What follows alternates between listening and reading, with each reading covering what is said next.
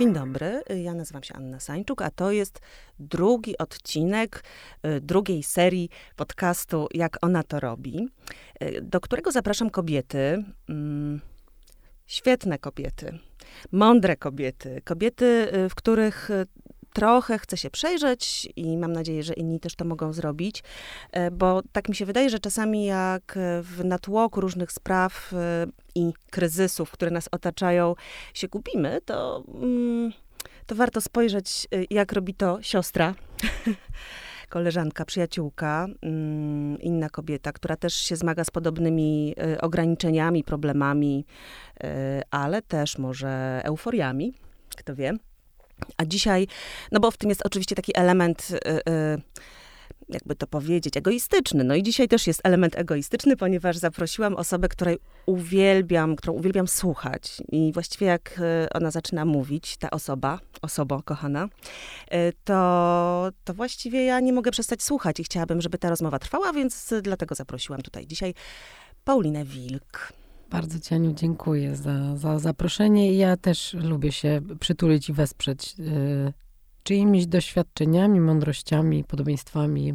Raźniej się żyje razem. Mhm. Wtedy czujemy, że jednak coś nas łączy, a nie tylko dzieli, y, bo na co dzień to często możemy właściwie y, zobaczyć głównie to podzielenie tutaj w tym tak, naszym jesteśmy otoczeniu. jak takie partykuły. E, I cóż, no Paulina to jest y, osoba pisząca i osoba czytająca. w takim głębszym sensie niż my wszyscy, myślę, bo jest pisarką, jest dziennikarką, reporterką, czy też reportażystką. Nie wiem, czy ty rozdzielasz to na te szyb, szybkie reporterskie? Zupełnie nie. Nie. E, dobrze. Mm, fascynatką, chyba tak mogę powiedzieć, i znawczynią Indii, które y, niespecjalnie tutaj w Polsce są przez nas rozpoznane, a ty w swojej książce Lalki w ogniu dużo nam o nich opowiedziałaś i ta książka teraz nie tak znowu dawno wyszła ponownie. E, ale też, co jest ważne w tym czytaniu i właśnie w pisaniu najpierw, a teraz w czytaniu, to też razem z Anią Król prowadzicie od lat y, i robicie festiwal, Big Book Festival, który jest dedykowany czytaniu, książkom, literaturze, rozmową wokół tego. E, I prowadzicie też takie miejsce, macie swoje miejsce, Big Book Cafe i to jest fajne miejsce, do którego można przyjść i porozmawiać. I my zwykle rozmawiamy mm, o książkach, ale dzisiaj porozmawiamy bardziej o życiu, czyli o książkach też pewnie, tak sobie myślę. Mm, ja, ja, pamiętam, że kiedy byłam taką dorastającą dziewczyną, to książki to był taki dla mnie bezpieczny świat, do którego ja uciekałam. Mm. To dorastanie nie było dla mnie łatwe. I jak patrzę na swoje córki, patrzę na, y, na tych młodych ludzi, młode dziewczyny, to czasem sobie myślę, że nawet teraz jest trudniejsze niż było dla mnie wtedy y, to, z czym oni się zmagają, jest po prostu może większym ciężarem, bardziej z, z wielu stron atakującym. No właśnie, i te książki to był taki świat, do którego ja uciekałam mm, też przez, przed kontaktami z innymi, które były trudne, różnymi wyzwaniami, e, a tam właściwie było wszystko. Nie wiem, jak było w twoim przypadku, bo te książki stały się tak ważne w twoim życiu. Ja nie, ja nie uciekałam w mhm. książki. Ja chyba lgnęłam do nich, bo chciałam pożerać świat. Taka pazerność i ciekawość na to, o co w tym świecie chodzi, co się dzieje, co robią inni ludzie, y, co słychać w jakimś innym zakątku. Mhm. To mnie chyba bardzo y, ciekawiło bardzo wcześnie. I tak myślę sobie, że trochę z taty, trochę z mamy, bo y, moja mama pracowała w bibliotece i ja kochałam się zanurzać w tym świecie. Mhm. Kochałam do niej przychodzić, chodzić między regałami, wyciągać sobie książki, no i właśnie zanurzać się w tych innych wersjach rzeczywistości w innych światach. Bardzo wcześnie jakoś mocno e, książki kochałam, ale w ogóle chciałam być wokół nich. Do dzisiaj to mam. Codziennie się budzę, po przebudzeniu patrzę na książki, to są moi najlepsi znajomi i przyjaciele. Chcę wśród nich być. Nie umiałabym żyć y, bez y, otoczenia również tych przedmiotów i opowieści, które się w nich kryją, jakichś obietnic, y, przepowiedni i że inne życie jest możliwe albo równolegle toczą się te inne historie. A druga osoba to był tata, a tata był takim człowiekiem, który pędził zawsze do jakichś spraw, do świata, gdzieś na zewnątrz, i, y, ale też był człowiekiem, który bardzo dużo przeczytał, y, a mnie czytał tylko w niedzielę i to była wielka odświętność, że on w tej swojej zajętości znajduje czas, żeby być ze mną i z książkami. I mm, zostały mi te dwa e, silne impulsy, ale ja mm, po prostu byłam bardzo, bardzo ciekawska, więc ja mhm. do dzisiaj czytam głównie dlatego, mm, że bardzo chcę się dowiedzieć czegoś i y, z tych samych powodów sięgam po literaturę piękną, bo się dowiaduje tam o ludziach albo wszechświecie emocji i myśli. E, z podobnych e, powodów oczywiście sięgam po literaturę e, faktu. Jem, jem, kiedy czytam mhm. tak naprawdę. Jem ten świat. może nie wiem, czy to jest ładne, czy to jest dobrze, bo może w tym jest jakaś niemądrość w tej zachłanności, ale nie umiem jej sobie odmówić to trochę inaczej do tego podchodzimy, tak teraz patrzę. Wydawało mi się, że ludzie podobnie pożerają te książki, ale, ale jednak e, skoro ja w nie uciekałam, a ty ich potrzebowałaś po to, żeby tak naprawdę wyjść jeszcze do bardziej, tego świata. Tak, i jeszcze bardziej się z nim połączyć. Mhm. Tak, ja, ja w ogóle nie mam tendencji do odwracania się od świata, nawet jak się źle czuję yy, i nawet jak mi jest w tym świecie trudno, to ja i tak mam jakiś y, mm, przedziwny odruch, żeby się wygrzebywać. Nie, nie mam nor, nie lubię się zapadać w jamy. Zdarzało mi się oczywiście w życiu y, i wtedy nie wychodziłam z nich z pomocą książek, wtedy z pomocą ludzi. Y, dosyć szybko mnie nauczono, że, że trzeba y, szukać wsparcia właśnie w byciu razem, y, w dzieleniu się y, przeżyciami. W, w, w, każdym razie bardzo mi się to wyraźnie y, zapisało, że nie wolno zostawać samemu z czymś y, trudnym zbyt długo. natomiast książki dla mnie jednak były wiesz, biletami do galaktyki Gutenberga, były dla mnie biletami do świata. Właściwie są dla mnie, tak teraz sobie myślę, na wewnętrznej półce stoją obok podróżowania. Są dla mnie prawie tym samym. Mhm. No tak, to są swego rodzaju podróże, tak można by było rzeczywiście powiedzieć. Za każdym razem gdzieś w jakiś inny trochę świat.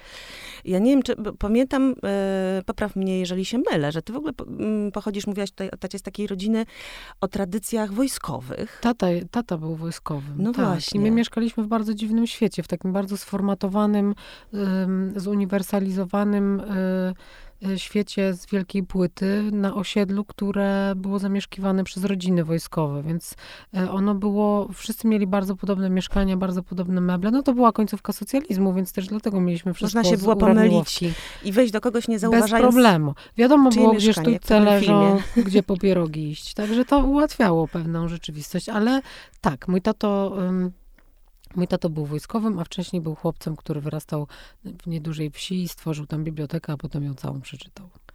Tak, trochę tak y, czasami jak się przyglądam y, nam, chyba mogę tak powiedzieć, ludziom, którzy y, jakoś ze słowem działają, to, to jest jakaś, jakaś niesamowita zupełnie rzecz, bo często to są osoby, które gdzieś e, swoimi korzeniami w drugim albo poprzednim jeszcze pokoleniu sięgają właśnie takich, e, takich miejsc, że ktoś wyjechał z jakiegoś miejsca, gdzie za bardzo nie było dostępu właśnie do tej literatury, albo nawet, na przykład w moim przypadku, mój dziadek, jeden z moich dziadków był analfabetą po prostu, tak? A, a moje babcie, co ustaliłam już jako osoba dorosła i właściwie muszę powiedzieć, że mnie to wzrusza, e, Obie moje babcie, y, choć jedna całe swoje życie przeżyła na wsi, w gospodarstwie, ciężko pracując, y, a druga y, była krawcową, mieszkała w Kielcach, ale też w dość nie, niezamożnym domu i życie miała niełatwe.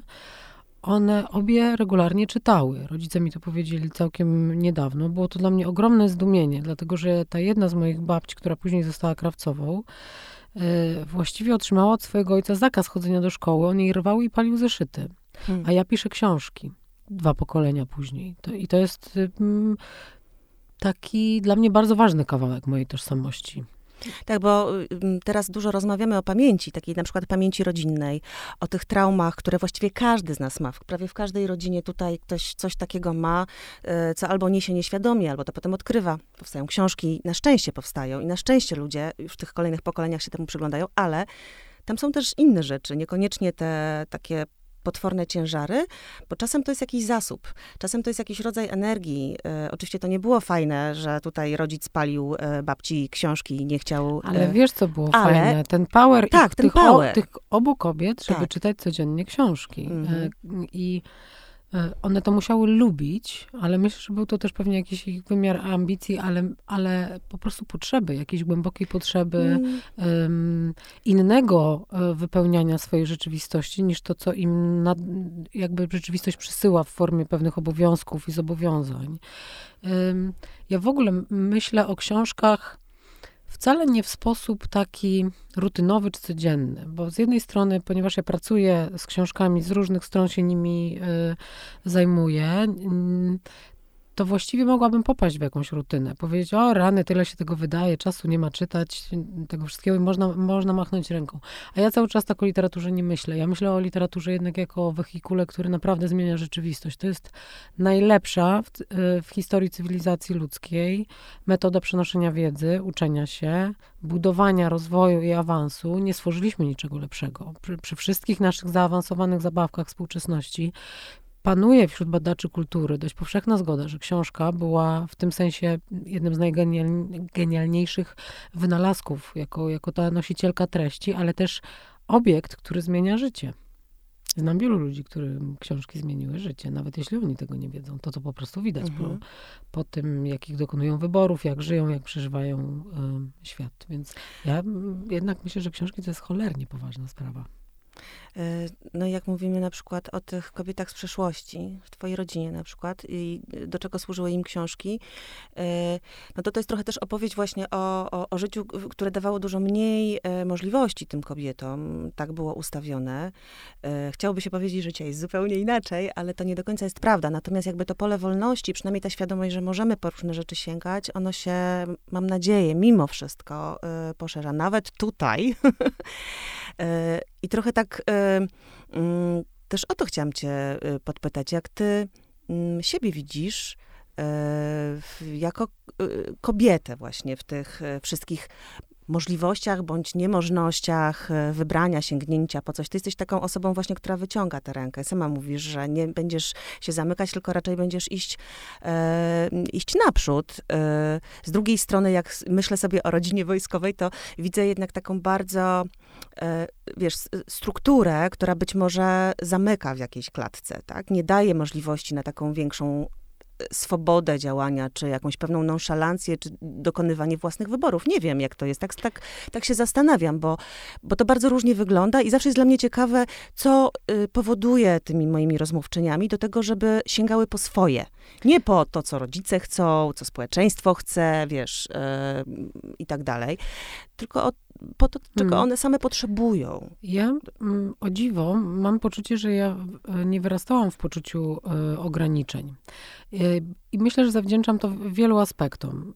w skrócie, trochę czasu, w którym wyrastałam, bo ja jednak wyrastałam na przełomie końcówki PRL-u i początku mm, kapitalizmu. To był jednak rocznik moment... 80. Co to jest za generacja? 80. Przypomnij mi, bo ja już się zgubiłam w tych nazwach. X, nie, Y, Z, kurczę, nie wiem. Nie wiem właściwie jak. Ja uważam, że jednak dosyć specyficzna, że to był taki, że to, że ja należę do ludzi, którzy, którzy pamiętają rzeczywistość braku i, i taki świat analogowy, a jednocześnie e, należy do ludzi, którzy dostali bardzo wcześnie naprawdę szeroko otwarte drzwi i możliwości i jakiś rodzaj obietnicy i zachęty. Oczywiście ona się weryfikowała w sposób bolesny w dorosłości, ale chcemy czy nie chcemy, lubimy czy nie lubimy to określenia, byliśmy pionierami jakiegoś nowego mhm. realu I, I ja uważam, że mnie ta atmosfera tamtego czasu, to ciągłe powtarzanie, świat przed wami stoi otworem, musicie iść tam zdobywać i tak dalej. Ona, you can. Ona, da, ona dawała trochę wiatru w żagle i y, dawała takiego poparcia, przede wszystkim chyba też dawała poczucie jakiegoś miejsca w świecie, który należy zająć. Y, na osoby ambitne to na pewno działało jakoś zachęcająco. Ja sobie nie przypominam, żebym jako dziecko czy dorastająca dziewczyna E, żyła w bardzo jakimś e, istotnym poczuciu ograniczeń, takiego przekonania, że są rzeczy, po które mi nie wolno sięgać, nie mogę. Pamiętam, że się wycofywałam przed różnymi rzeczami. Ja miałam na przykład takie marzenie, pewnie też typowe dla swojej generacji, że ja jednak wyjadę za granicę i będę tam robić coś prześwietnego. Ja chciałam pracować w BBC, ale nigdy nawet nie podjęłam takiej próby podjęłam próbę pracy za granicą, rozpoznałam to, pomyślałam, że nigdy, nie mogąc pracować w swoim ojczystym języku, nie będę robiła tego, na czym mi zależy. Wiedziałam, że będę chciała pracować jakoś w literach i myślach i wydawało mi się, że jednak, mimo że władam angielskim bardzo swobodnie, uważałam, że, że świat też ze względu na swoją konstrukcję klasową y, i postkolonialną nie da mi takich możliwości, jak bycie tu u siebie. Oczywiście... A ze względu na konstrukcję y, genderową czy płciową? Y o tym, o tym zaczęłam myśleć, prawdę mówiąc, już jako bardzo e, dojrzewająca osoba. Powiedziałabym, że może po 30 zaczęłam się zastanawiać, czy moja płeć mnie w ogóle kiedykolwiek ograniczała. I to właściwie przyszło, to myślenie, przyszło też do mnie z zewnątrz, z e, tego wspaniałego, huczącego już teraz dyskursu o tym, jak płeć kulturowa nas kształtuje. Ja, ja nie byłam świadoma e, tego, jak moja płeć określa moje bycie w świecie. To znaczy bardzo długo, myślę, że tu akurat dzięki wsparciu rodziców, obojga, e, bo mój tato co prawda był wojskowym, ale był też e, młodszym synkiem czterech sióstr, którego dobrze tam feministycznie ustawiły. Tata w domu gotuje, ceruje, haftuje, piecze ciasta i miałam w sumie bardzo niestandardowego tatę, jak mm -hmm. sobie mhm. myślę o tym po, e, po czasie i myślę, że e, on, on stanowi bardzo interesujący e, wzorzec. Mm, więc poza tą dyscypliną były też naprawdę różne takie inne obszary e, wsparcia. Tata mnie pchał w świat, mówił, że nigdy mi nie będzie żałował pieniędzy, uwaga, na podróże, nauki języków obcych i spódniczki, bo nie chciałam nosić spódniczek. Więc była próba modelowania genderowego, mm -hmm. która nie Podarte jeansy tutaj obserwuję tak, aktualnie, bo wciąż ale różowe. Portki, ale sukienki też noszę, dorosłą do tego. Mm, ale żeby nie odbyć za daleko od twojego pytania. Y, ja się jako dorastająca dziewczyna nigdy nie bałam, że mi moja płeć nie pozwoli czegoś zrobić. W ogóle nie towarzyszyło mi takie myślenie ale później, z wiekiem, właściwie zdałam sobie sprawę, że pewnie w paru momentach były takie ograniczenia. Na przykład myślałam sobie o tym, że byłam taką z, takim, takim Beniaminkiem, taką zdolną dziewczyną, dziennikarką w bardzo dużej ogólnopolskiej gazecie, w której nigdy, przenigdy nie byłam na żadnym redakcyjnym planowaniu, ponieważ chodzili tam tylko mężczyźni. Mm. To są rzeczy, z których zdałam sobie sprawę post factum, kiedy za, zaczęłam właściwie czytać taką literaturę y, mnie uczącą, tworzoną przez kobiety czasami o dwa pokolenia starsze, jak Vivian Gornick, albo, albo dziewczyny w moim wieku, jak, jak Karolina Sulej, albo jeszcze młodsze, które y, mi otwierają oczy y, i uświadamiają coś może przykrego, że nie byłam aż tak swobodną istotą, jak mi mhm. się wydawało. Mm, ja na pewno y, y, te, tego jestem pewna, że ja nigdy się nie spotkałam z jak jakąś, jakimś takim wyraźnym e, dyskryminowaniem. E, nikt mi nigdy w życiu niczego nie odebrał, dlatego że byłam dziewczyną, ale być może w jakieś rejony się nie wybrałam, e, bo, myśląc, bo nie że po prostu sobie, tak, że sobie nie poradzę, że gdzieś było domniemanie niedostępności tego obszaru dla mnie. Mhm. to jest ciekawe, że, że my tak nie widzimy tych ograniczeń często, nie? Że widzimy to, co jest no, taką e, siłą, przemocą ewidentną e, odbierania nam czegoś, ale nie widzimy tego, co jest tą Y, tym ukrytym mechanizmem, który nas wycina z różnych miejsc. Dlatego z takim zachwytem podchodzę jednak do, do, do siły słów, do nazywania mhm. rzeczy po imieniu. To jest też nauka, którą ja wyciągnęłam z psychoterapii, która mnie w życiu towarzyszy od dawna. Y, i którą postrzegam nie tylko jako proces leczenia, ale proces samorozwoju. Proces rozumienia takiego, tak, prawda? proces rozumienia siebie, siebie mhm. innych mechanizmów, które, które nas kształtują, tego jak wytwarzamy też te sieci społecznych pojęć i rozumień, ale na pewno tam się nauczyłam, że nazywanie rzeczy po imieniu ma wielką wyzwalającą moc, ale przede wszystkim przez to, że uświadamia w ogóle istnienie pewnych zjawisk. Ja myślę, że E, na przykład ruch MeToo bardzo wielu z nas pokazał, że pewne zjawiska, do których właściwie przywykłyśmy, tak, właściwie nie widziałyśmy Nie tego. zatrzymywałyśmy wzroku mhm. na tym, bo one były jak powietrze i wisiały w atmosferze. Znaczy wiesz co, one często uwierały jak jakiś kamień w bucie, ale no, byłyśmy ale przyzwyczajone, że nas uwiera, tak? tak I szłyśmy. I, I, idziesz dalej. I ja uważam e, za... Y, wspaniałe i z pewnością jakoś zmieniające rzeczywistość e, te momenty, w których my dostajemy takiego przykrego olśnienia yy, i nazywamy mm, zło albo niedobre, albo przestarzałe mhm. praktyki mhm. Yy, i przestajemy się na nie zgadzać i zaczynamy je traktować jak bardzo niestosowny żart albo wypowiedź, która nie powinna mieć miejsca. I to wszystko prawdopodobnie musi mieć taki, yy, taki kształt i taki wyraz, że ta wajcha pewnie jakoś bardzo mocno musi pójść i, i, i radykalnie powędrować właśnie w takie wręcz manifestacyjne oprotestowywanie pewnych zjawisk, po to, żeby norma mogła być już kiedyś w przyszłości dobra. Więc mnie się, mnie się wydaje na przykład, że, że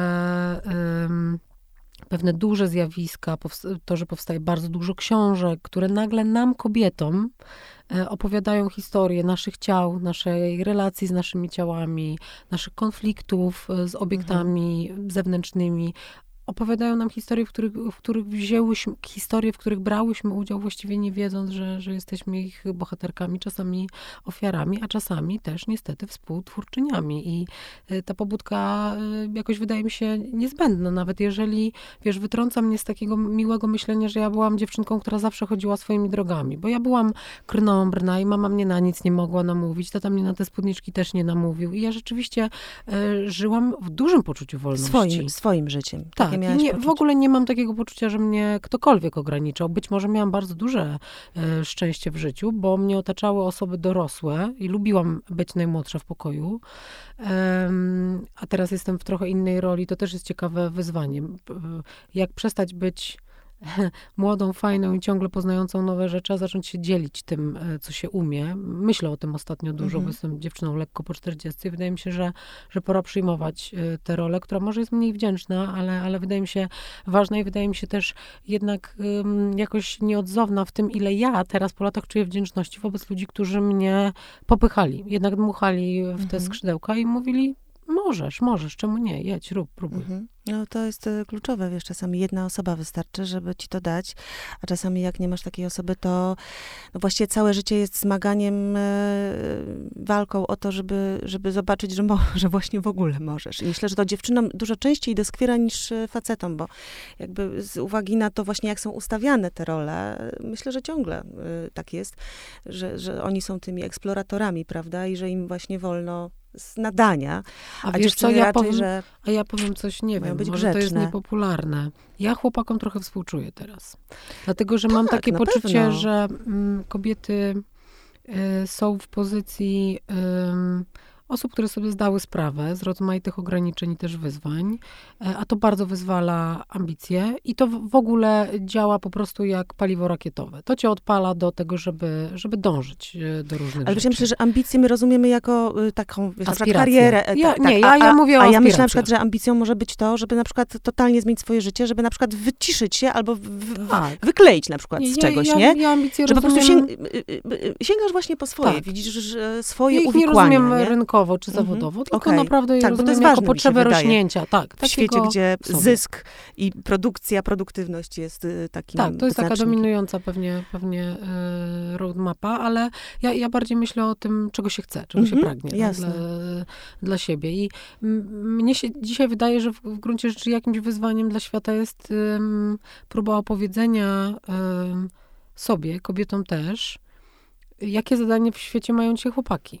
Ja nie wiem. E, I w ogóle bardzo życzę im i nam, żebyśmy e, też, też popracowali trochę na to, jak, jaką lepszą rolę oni mogą za, e, odegrać, jeśli, jeśli, bo jesteśmy w takim trwającym, myślę, procesie jakiegoś zdawania sobie sprawy, jak te role były rozdawane, jak były nieuczciwie rozdawane, ale nie można wiecznie wystawiać rachunków. Fajnie jest iść do przodu i budować lepsze relacje, bo my siebie bardzo potrzebujemy, jesteśmy tutaj wszyscy razem i, i, i na konflikcie nie polecimy zbyt daleko. Więc ja, ja już jestem złakniona rozmów o, o, o tym, jak dobrze zmieniać również rolę mężczyzn, bo dziewczyny, dziewczyny sobie radzą teraz i to bardzo dobrze w, pisa- w nowym pisaniu swoich ról. Mm. To tak właśnie trochę brzmi jak lekcja odebrana na e, terapii, nie? No bo najpierw rozgrzebujemy, rozgrzebujemy, mm. rozgrzebujemy. Jest ta, jakby powiedział Jung, e, dezintegracja, pozytywna, bo rozgrzebujemy, ale potem chcemy ruszyć do przodu, nie chcemy zostać w tym rozgrzebaniu. E, to jest trochę takie pytanie właśnie na przykład o, o tę psychoterapię, która tutaj padła, nie? Bo to też się staje w ogóle, może to jest taka nasza nowa religia. Napisałeś teraz taki artykuł o końcu, mm, w pewnym sensie religii, jakie znamy, o, o zmierzchu bogów e, w przekroju o tym pisałeś, w rozmowie z e, Rezą Aslanem, religioznawcą. No właśnie, a, a psychoterapia?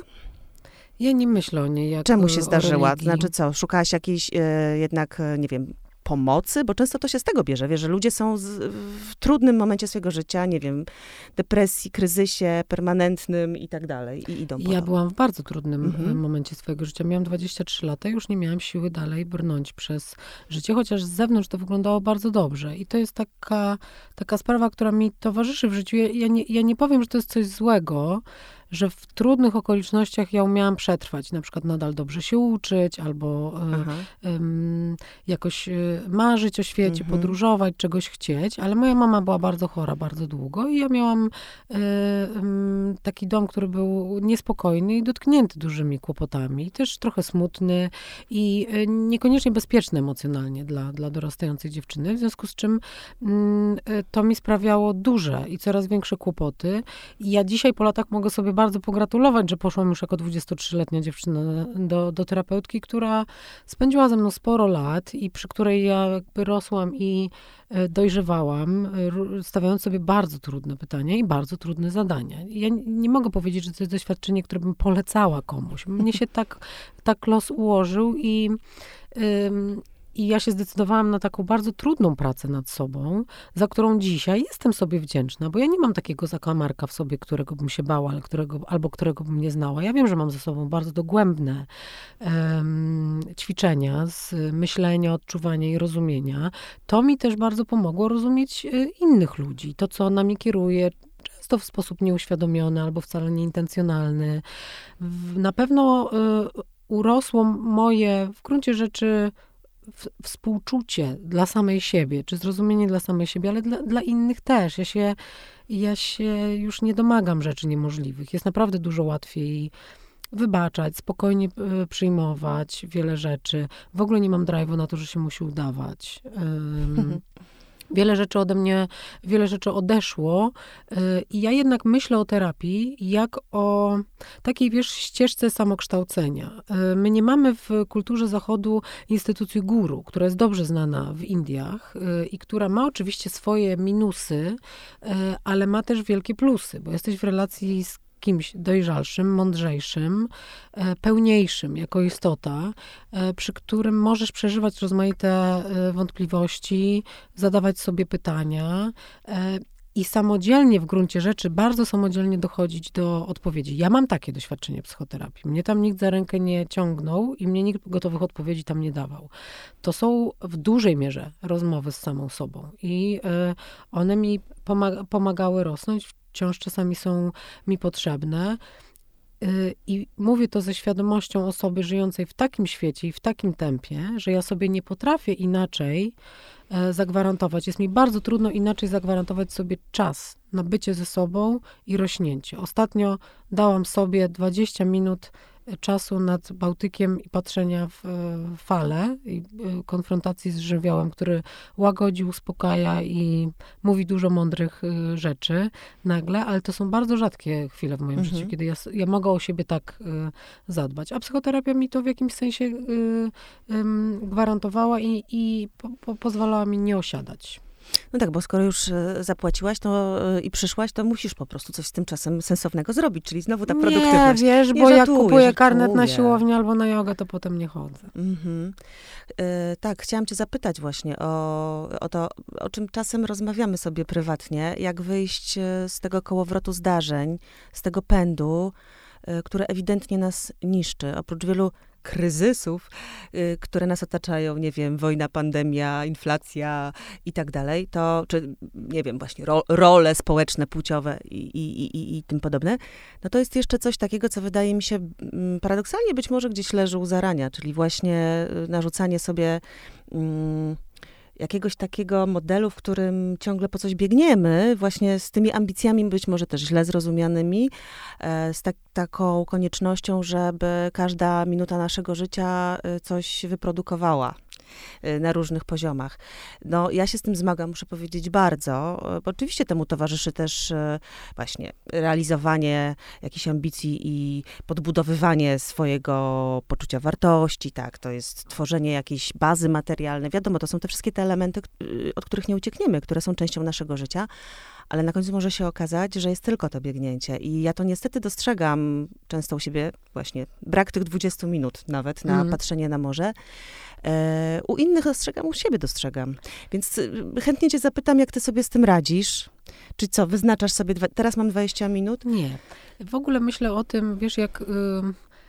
jak ja się znalazłam w takim miejscu, Aha. bycia osobą żyjącą w bardzo, bardzo intensywnym y, tempie. Ja pracuję w kilku fundację. miejscach, jak, jak powiedziałaś. Y, I myślę o tym, że mam też bardzo różny stosunek do tego stylu i sposobu życia. Mam takie momenty, kiedy bardzo się nim cieszę, dlatego że on jest życiem bardzo uprzywilejowanym. Ja rozmawiam z wieloma ludźmi, spotykam się z wieloma ludźmi, oni mnie napędzają, dają mi bardzo mhm. dużo wiedzy, energii, jest w tym bardzo dużo z wymiany i z czerpania. To jest też to, co ja kocham w tej naszej pracy. Mhm. Bardzo lubię to, że mm, e, pracując e, z książkami, pisząc, organizując wydarzenia. Jestem też w relacji z ludźmi. Ja nie wytwarzam tego dla jakiegoś abstrakcyjnego odbiorcy. Ten odbiorca przychodzi, on ze mną rozmawia, ma oczy, dusze, oczy zmęczone albo oczy szczęśliwe, jest kimś. Czasami wraca, rozpoznajemy się.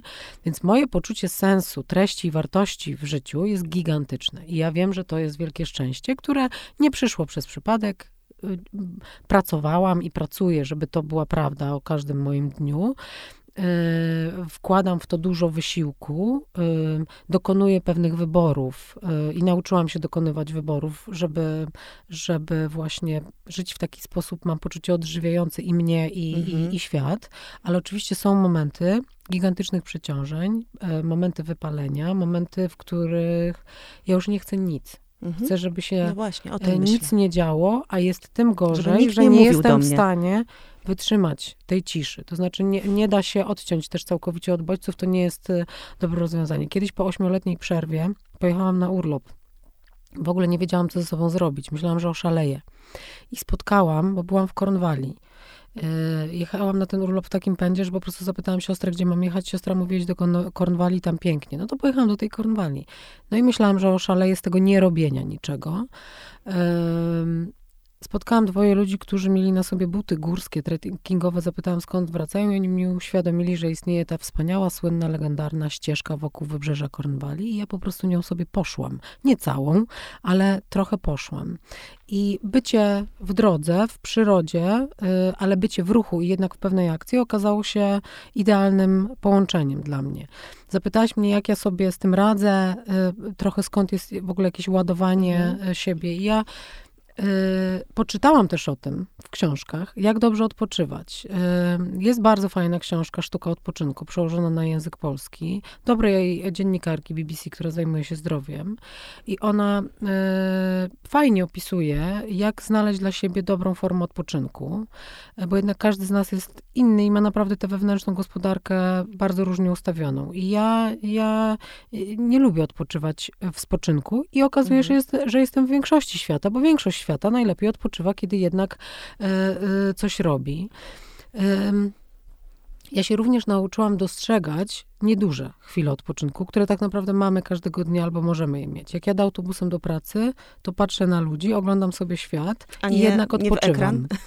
Staram się nie. Uh-huh. Staram się świadomie podecydować, kiedy nie zajmuję się telefonem. Czasami jeszcze mam odwagę go wyłączyć to się zdarza coraz rzadziej, bo potrzeba kontrolowania rzeczywistości jest gigantyczna, ale wciąż praktykuję wyłączanie telefonu i polecam. Znaczy wiesz, my chcemy kontrolować, ale tak naprawdę to, to, no to właśnie, coś nas kontroluje, kontrolowani, nie? tak.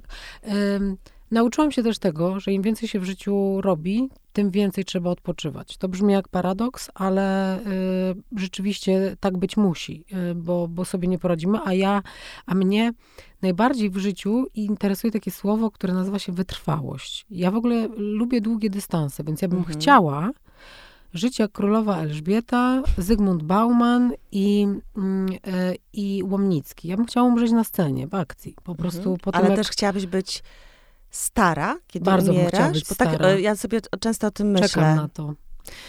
E, bo to jest taki trudny moment w życiu. Wiesz, bo na przykład Bauman no to żył bardzo długo. Tak. Przeżył właściwie kilka żyć w jednym życiu. I pracował do końca. I podobno do prawda. końca wstawał około piątej rano, jak Dolly Parton. Ja bardzo, to są, to są naprawdę moi tego? idole.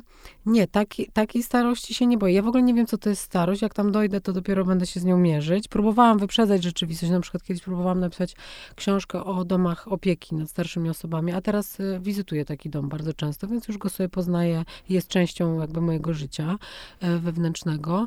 I ym, starość to nie jest coś, co mnie przeraża. Bardzo chciałabym mieć pełne, intensywne y, życie, czuć się potrzebne, czuć, że mam coś do dania, do zaoferowania światu, aż do samego y, końca, bo ja nie tylko y, czuję się często przeciążona pracą, ale ja też kocham pracować. I nie dlatego kocham pracować, że nie mam lepszych pomysłów na spędzanie czasu, tylko ja pracę bardzo wysoko etosowo traktuję. To znaczy, dla mnie ona jest esencją relacji z ludźmi, bycia przydatnym, no właśnie wymiany, o której mówiłam. Ja nie mam pracy bezsensownej. Ja nie chodzę czegoś odwalić, żeby zarobić pieniądze i zapłacić za prąd. Ja, ja mam to szczęście w życiu.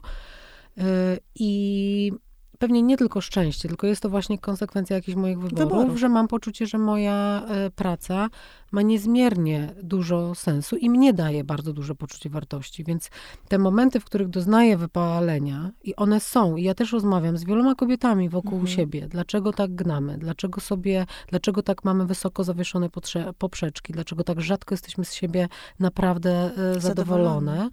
Gadamy o tym, mamy bardzo podobne powody i motywacje, ale jedną rzecz zmieniającą się z wiekiem przynajmniej u siebie, zauważam i bardzo się z niej cieszę. To znaczy, mam wrażenie, że coraz mniej jestem w wyścigu sam, z samą sobą. E, coraz częściej umiem sobie pogratulować i ucieszyć się tym, e, co robię, i coraz rzadziej oczekuję, żeby było perfekcyjnie. W ogóle mnie już ta kategoria przestaje interesować. Gdzieś po drodze ją zgubiłam. Nie wiem kiedy, ale rzeczywiście cieszę się, e, że robię, że jestem z ludźmi, e, że, że wydarzają się różne rzeczy, które uważam za pożywne i treściwe, ale nie mam już jakichś e, źle wywindowanych ambicji jakościowych i z całą pewnością też w tym całym biegu, nie wiem w jakim momencie, ale całkiem niedawno, zgubiłam taką szczególną kategorię. Ani sobie, ani światu niczego już nie próbuję udowodnić jestem spokojniejsza. Jestem spokojniejsza, chociaż jestem zabiegana. Jak to się stało? Ja zresztą muszę ci powiedzieć, że, że czuję to. Czujesz że to, jesteś prawda? spokojniejsza. Czuję Aha, to. myślałam, że ty to w sobie czujesz. Sobie tego nie czuję. Tobie Aha. to czuję. No to myślę sobie, że y, to jest y, nie przypadek, tylko rzeczywiście wieloletnia praca nad tym, żeby dobrze wybierać to, jak się spędza każdy dzień. Y, ja naprawdę, jak rano wstaję, to mi bardzo zależy, żeby ten dzień był dobrze przeżyty. Czyli żebym ja w pracy nie zrobiła jak najwięcej z tej listy, która mi wisi, tylko żebym razem z ludźmi, z którymi pracuję, tak, mhm. wytworzyła troszkę sensu i poczucia, e, poczucia wartości i przeżyła to, tak. To znaczy nie, żebym załatwiła ten wywiad, tylko żeby on był dla mnie ciekawy, żebym ja się czegoś dowiedziała i żeby osoba, której stawiam pytania, razem ze mną pomyślała i też urosła dzięki tej mhm. sytuacji rozmowy. E, staram się nie spychać z taśmy, zmienić, e, no jednak powalczyć o jakość po prostu tego, tego, co w pracy robimy, nawet jak jesteśmy przeciążeni każdego dnia. Ale myślę też o innych rzeczach. Mój pies nie wychodzi na pięciominutowe spacery odbywane w biegu. Mnie naprawdę zależy, żeby on się fajnie przeszedł, wszystko tam sobie obwąchał i obsikał, a ja w tym czasie przez 40 minut posłucham pięknej książki czytanej przez fajną aktorkę w audiobooku i kocham te momenty. Zależy mi, żeby moi bliscy i ukochani byli zadbani, czyli żebym zadzwoniła do najbliższych, spędziła z nimi czas, zapytała, porozmawiała. To są maleńkie rzeczy każdego dnia, ale staram się ten ogródek po, podlewać bardzo pieczołowicie, żeby, żeby niczego tam nie zgubić. I wiesz, mówiąc bardzo szczerze, jestem czasami przeciążona tym, że chcę, żeby ka na każdym odcinku mojego życia było dobrze. To jest, to jest duże wymaganie, ale to jest warte starania. Wierzę w to. Mhm. A na tej drodze, co, co oznaczają Indie? Bo to hmm. jest y, rzecz, która stała się takie, mam poczucie, no w ogóle jakimś takim też ważnym elementem całej tej układanki, e, nie tylko po prostu doświadczeniem zawodowym czy przygodą, różnie to ludzie takie rzeczy określają, tylko po prostu elementem takiej, mm, takiego formowania ciebie, nie? Właśnie w jakimś takim ścieraniu, zderzaniu się ze światem, który jest trudny, bo ty tego nie ukrywasz, nie robisz, nie egzetyzujesz tego, nie robisz w swojej książce, czy w ogóle w swoim jakimś opowiadaniu o, o tym miejscu, do którego trafiłaś yy, wiele lat temu i które opisałaś i które, ta książka, którą wtedy napisałaś, wyszła ponownie i właściwie się w ogóle nie zestarzała, co jest jakąś zagadką. Yy, hmm. Albo właśnie jest po prostu tym, co, co ty, Paulina, potrafisz y, znaleźć w tym świecie. Albo Indie się nie starzeją. A możliwe, albo Indie się nie starzeją, albo po prostu ludzkość wraca do tych samych momentów, ale trzeba dotknąć tych rzeczy, które są y, zawsze i zawsze się z nimi jakoś trzeba skonfrontować. No właśnie, a co, co znaczą w tym wszystkim, w tym układzie te Indie? Myślę, tak? że one są bardzo dużą częścią odpowiedzi na twoje pytanie o spokój, skąd on się wziął. To znaczy, mhm. to jest um, takie, in, takie doświadczenie Indii, jakie mnie było dane, to jest wielka sprawa. To znaczy, być w relacji z jakimś światem, nie wiem, jakimś uniwersum, e, mm, przez wiele lat, móc do niego wracać, oglądać, pozostawać w, w związku, bo ja. Y, Indie nie były moją młodzieńczą przygodą, z której wyrosłam, tylko mam poczucie, że są przyjacielem na życie i są wielką nauką, y, dlatego że y, dosyć wcześnie mnie skonfrontowały z tym, jak niewyobrażalnie trudne może być ludzkie istnienie, jak bardzo może ono odbiegać od wszystkiego, co znam, jak bardzo ono może przekraczać moje mm, wewnętrzne granice nawet nie wiem czego, wrażliwości, wytrzym wytrzymałości. Ogólnego, nie? Wiesz co, myślę, myślę o czymś nawet mocniejszym, to znaczy o tym, że ja w Indiach widziałam ludzi, którzy są na granicy człowieczeństwa. Z powodu mhm. ubóstwa, z powodu y, tego, jak brutalne jest życie w cywilizacji współczesnej. Y, widziałam też ludzi, którzy y, są na granicy człowieczeństwa w znacznie lepszym rozumieniu tego słowa. Są tak blisko natury lub tak blisko życia duchowego, że nie wiem, czy są tutaj. Czy są naprawdę powiązani z mm, szerszym rozumieniem kosmicznym istnienia niż to, co moje pięć zmysłów i moja europejsko sformatowana wrażliwość w ogóle pozwala mi nazwać i do, do, dostrzec.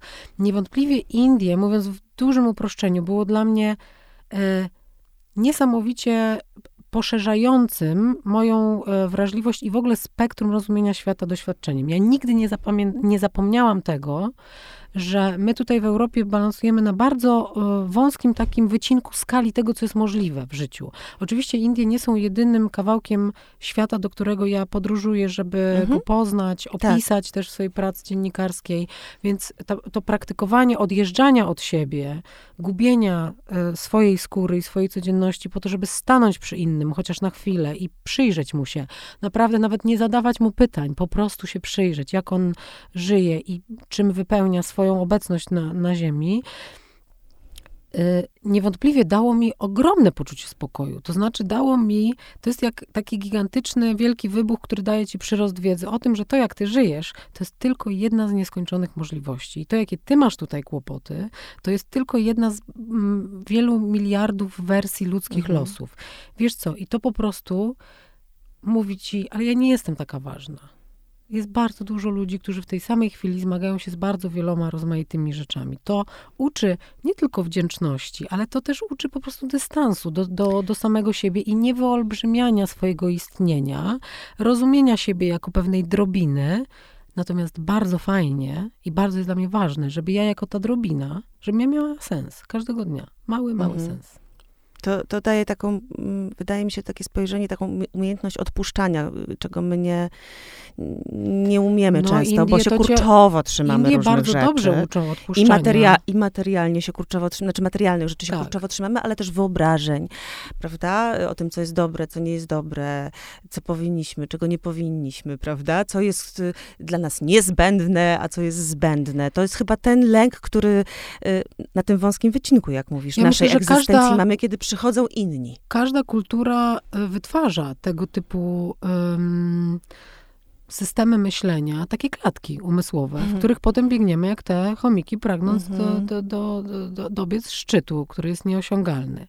E, ja nie chcę powiedzieć, że Hindusi nie mają swoich klatek. Mają, niewątpliwie. Tylko, że ja odjeżdżając ze swojej, e, i przyglądając się innym modelom życia, innym systemom wartości, innym religiom, wierzeniom, po prostu doznaję jakiegoś rodzaju, nie wiem, obmycia, oczyszczenia z tego wszystkiego, czym jestem oblepiona na co dzień. Dla mnie to jest moment na gości, bo ja jak jestem w Indiach, mam ze sobą zazwyczaj niewiele rzeczy. Ja tam nic nie znaczę. Idziesz ulicą, w której, na której jest tak wielu ludzi i toczy się tak wiele spraw w jednej sekundzie, że y, wspaniale jest poczuć, że ze mną nie kroczy żadne dziedzictwo y, europejskiej, Europejskiej kultury. kultury.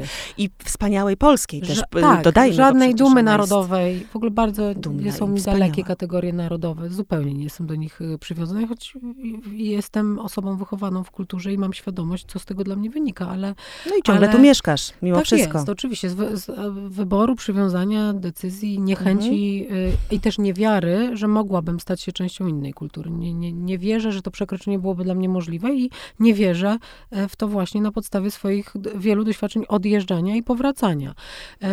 To odjeżdżanie jest momentem na gości, w którym ja przeżywam z jednej strony, wiesz, taką wewnętrzną konfrontację.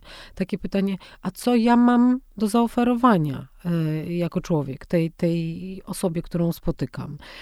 Mam też, przeżywam też, myślę, zachwyt w ogóle nad człowiekiem. Sie- Siedzę przy jakimś panu, który postanowił, że będzie pucybutem i z tego utrzymuje całą swoją rodzinę. Ma dwóch synów e, na uniwersytetach w Wielkiej Brytanii. Rozmawiamy kwadrans. Ten kwadrans przemeblowuje mi w głowie bardzo. E, I mm, i jakoś e, dobrze myślę, y, w, mia- w miarę zdrowo. Mnie potem pozycjonuje wobec samej siebie i pom- pomaga nie zwariować po prostu. No tak, to jest takie pytanie, mm, które ja zazwyczaj na końcu y, rozmowy y, pytam y, te moje rozmówczynie o takie sposoby, miejsca zasilania, Mhm, ale ja mhm. widzę, że ty już mi właściwie o tym powiedziałaś. Natomiast jeżeli chcesz coś dodać, to ja chętnie jeszcze tutaj mm, przyjmę. Ale ja chciałam zapytać jeszcze o coś innego, coś, co dla mnie jest takim dużym pytaniem i z czym się zmagam i na pewno nie jestem jedyna w tym, mianowicie tak, o, o taką nadzieję, to znaczy bo tu mówisz dużo właśnie o spokoju, tak, o tym, jak to zobaczenie siebie w kontekście czegoś przekraczającego ciebie, na co nie masz wpływu, tak naprawdę jest uspokajające, a nie, nie wprawia w, Mhm. w, w, w, w załamanie i, nie, i, i poczucie nieszczęścia. Ale jednak, wiesz, jak obserwujemy taki świat e, chwiejący się w posadach wokół nas e, i e, i to są takie rzeczy, które są na przykład cierpieniem, nie tylko nasz, nie, niekoniecznie naszym, ale takim cierpieniem, które właśnie ty y, mogłaś na przykład w takiej bliskości w Indiach zobaczyć. Właściwie każdy może, kto tam się wybierze i nie pójdzie tylko szlakiem turystycznego getta. E, Ale nie wiem, no mam na myśli chociażby wojnę, tak? Czy taką po prostu przemoc, którą e, kulturową, e, któ- którą często obserwujemy. No to są takie rzeczy, które często y, przy tym poszukiwaniu sensu też, który potrzebujemy mieć, dla mnie są y, no totalnie demobilizujące. Dla mnie są czymś, co często sprawia, że jest mi bardzo trudno dostrzec ten sens. Więc ja trochę o, o tę nadzieję tutaj, Mhm. wiesz, w tym świecie, który właśnie już nie ma punktów oparcia za bardzo, gdzie ona jest i czy ona jest w ogóle. Może jej nie ma, może trzeba wobec niej się inaczej ustawić, nie wiem. Ja myślę, że y, ona jest. I myślę, że bez, nadzie- bez nadziei i bez pragnienia przyszłości nie da się żyć. Ja bym w każdym razie nie Mhm. y, umiała. Dla mnie to są siły, które, które też, y, prawdę mówiąc, jednak w bardzo uporczywy sposób towarzyszą. Towarzyszą ludziom w najtrudniejszych momentach w dziejach i one Wierzysz, że jest przyszłość? Oczywiście. E, Nawet już się wydarza, jest wymyślana w tej chwili, już się zaczyna, bo taka jest natura przyszłości, że ona, pojutrze miasta przyszłości taką książkę że ona napisać. się toczy. Tak, i ta książka została napisana z bardzo mojego głębokiego przekonania o tym, że przyszłość należy wymyślać i warto o niej Mhm. marzyć i ją sobie wyobrażać. Światy bo jeśli jej wzniesiemy sobie- nowe, jeszcze po, podam inny tytuł Tak koleżanki jest. Jabłońskiej, tak. Bez marzenia o przyszłości ona nie może nadejść. Ja jestem e, pewna, zresztą nauczyli mnie tego pisarze science fiction, że to, w czym my żyjemy, to, co my dzisiaj uznajemy za swoją teraźniejszość, dotkliwą bardzo, jest przyszłością, którą dla nas wymyślono, napisano, wyobrażono sobie w przeszłości. Mm. To znaczy, ona, jest, ona istnieje w książkach. I w rozmaitych wizjach, także wynalazców, konstruktorów, których ja uwielbiam. Ja ko- kocham ten, ten aspekt ludzkiej twórczości, który jest bardzo związany z pragnieniem, żeby było lepiej. To się nie musi udawać, ale pragnienie, żeby było lepiej, wydaje mi się jakby nie, niezbywalnym elementem istnienia. Uważam to za aspekt instynktu życia czy instynktu przeżycia. Y, powiem ci, jak y, ja próbuję sobie radzić z chwiejnością świata. Odsuwam się od małego obrazka. To jest dokładnie ta sama metoda, którą zyskuję dzięki podróżowaniu przez świat, ale też dlatego lubię książki historyczne, dlatego lubię czytać o dużych zjawiskach i dlatego nie uważam, że wielkie kwantyfikatory zawsze prowadzą nas na manowce, dlatego że ludzkość y, wywołała, ale także przetrwała rozmaite wojny i straszliwe konflikty. I y, ludzie bywają najlepsi w najpaskudniejszych momentach. Są takie bardzo trudne do przeczytania na przykład książki, jak Dobrzy ludzie w czasach zła um, Iwanki Brostito. Jest to książka, którą trudno przetrwać bez roz, rozerwanego serca. Czy takie książki jak opowieści Swietłany Aleksiejewicz, które o dziwo emanują dobrem, a mówią o największych tragediach y, naszych y, czasów. Ja mam w sobie bardzo dużo nadziei, którą trochę tak jak Rutger Bregman, autor też bardzo ciekawych, optymistycznych książek, on ją od odróżnia od optymizmu. On uważa, że optymizm jest podejściem leniwców, którzy mówią, jakoś to będzie, to się wyprostuje. Nadzieja jest taką, takim moim zdaniem posta rodzajem postawy wobec świata, w której się przyjmuje e, taką myśl. Chcę, żeby było lepiej. Chcę móc coś poprawić i coś z tym zrobić. No i potem idziesz i próbujesz w tym swoim poletku, w tym swoim jednym dniu e, zrobić coś lepiej. Mm w ogóle mi się to nie wydaje naiwne, wydaje mi się to niezbywalne mm, do życia. E, I właściwie nie mam problemu z czerpaniem nadziei na co dzień, mhm. ale chyba dlatego, że y, mnie naprawdę y, przy życiu i przy zadowoleniu z niego w bardzo dużej mierze trzymają relacje z ludźmi i praca. Mhm. To są to bardzo są częste... miejsca zasilania, tak? Tak, to, mhm. są, to, są, to, to są miejsca zasilania, chociaż nie chcę powiedzieć, że nie odpoczywam, uwielbiam odpoczywać i naprawdę uważam to za bardzo istotne i też uważam to za dość istotną, spóźnioną naukę ludzkości, bo my dopiero teraz prowadzimy badania nad relaksem i odpoczynkiem. Jest ich naprawdę bardzo niewiele. Byliśmy tak zapędzeni i tak nas kapitalizm nauczył e, tyrania i jego uwielbiania, że e, nie poświęcaliśmy do tej pory odpoczynkowi wystarczająco dużo uwagi uwagi. Ja się też staram jakby siebie y, przekierowywać na, na, na, to, żeby znajdować nawet 5 y, lub 15 minut tego y, bycia dla samej siebie i jakiegoś ładowania się. Ładuję się w przyrodzie, rozrywki mam adekwatne do wieku, to znaczy patrzenie w morze i zbieranie grzybów najbardziej mi ostatnio służy, albo chodzenie tak, po górach. Widziałam tego prawdziwka, którego napotkałaś. Bardzo byłam z niego relację. Był moim marzeniem, marzeniem miałam na niego nadzieję. Yy, także małe, małe te radości bardzo, bardzo mocno mnie ładują, ale yy, myślę, że robienie czegoś dla innych i wydawanie z siebie naj, najczęściej kończy się wracaniem i przyjmowaniem. I to po prostu też ładuje. Także o tym byciu razem mm, bym zawsze myślała, jako źródle nadziei też. Bo jak mhm. siedziałam kiedyś w takich czarnych dziurach swoich i udało mi się z nich wyjść do rozmowy z drugą osobą, to natychmiast robiło się jaśniej i nadziejniej. Siedzimy w czarnej dziurze studia yy, i zawsze jak stąd wychodzę, to jest mi jaśniej i nadziejniej. I dzisiaj dziękuję Tobie, że tak właśnie było dzięki Tobie. Ja bardzo dziękuję. Cieszę się, że mogłam pouprawiać swoją bardzo prywatną propagandę nadziei tutaj w Twoim towarzystwie. Ciemno jest, a oczy nam się świecą. Wyjdziemy e, w jasność. E, o książkach i o życiu. Raz jeszcze dziękuję. Dziękuję.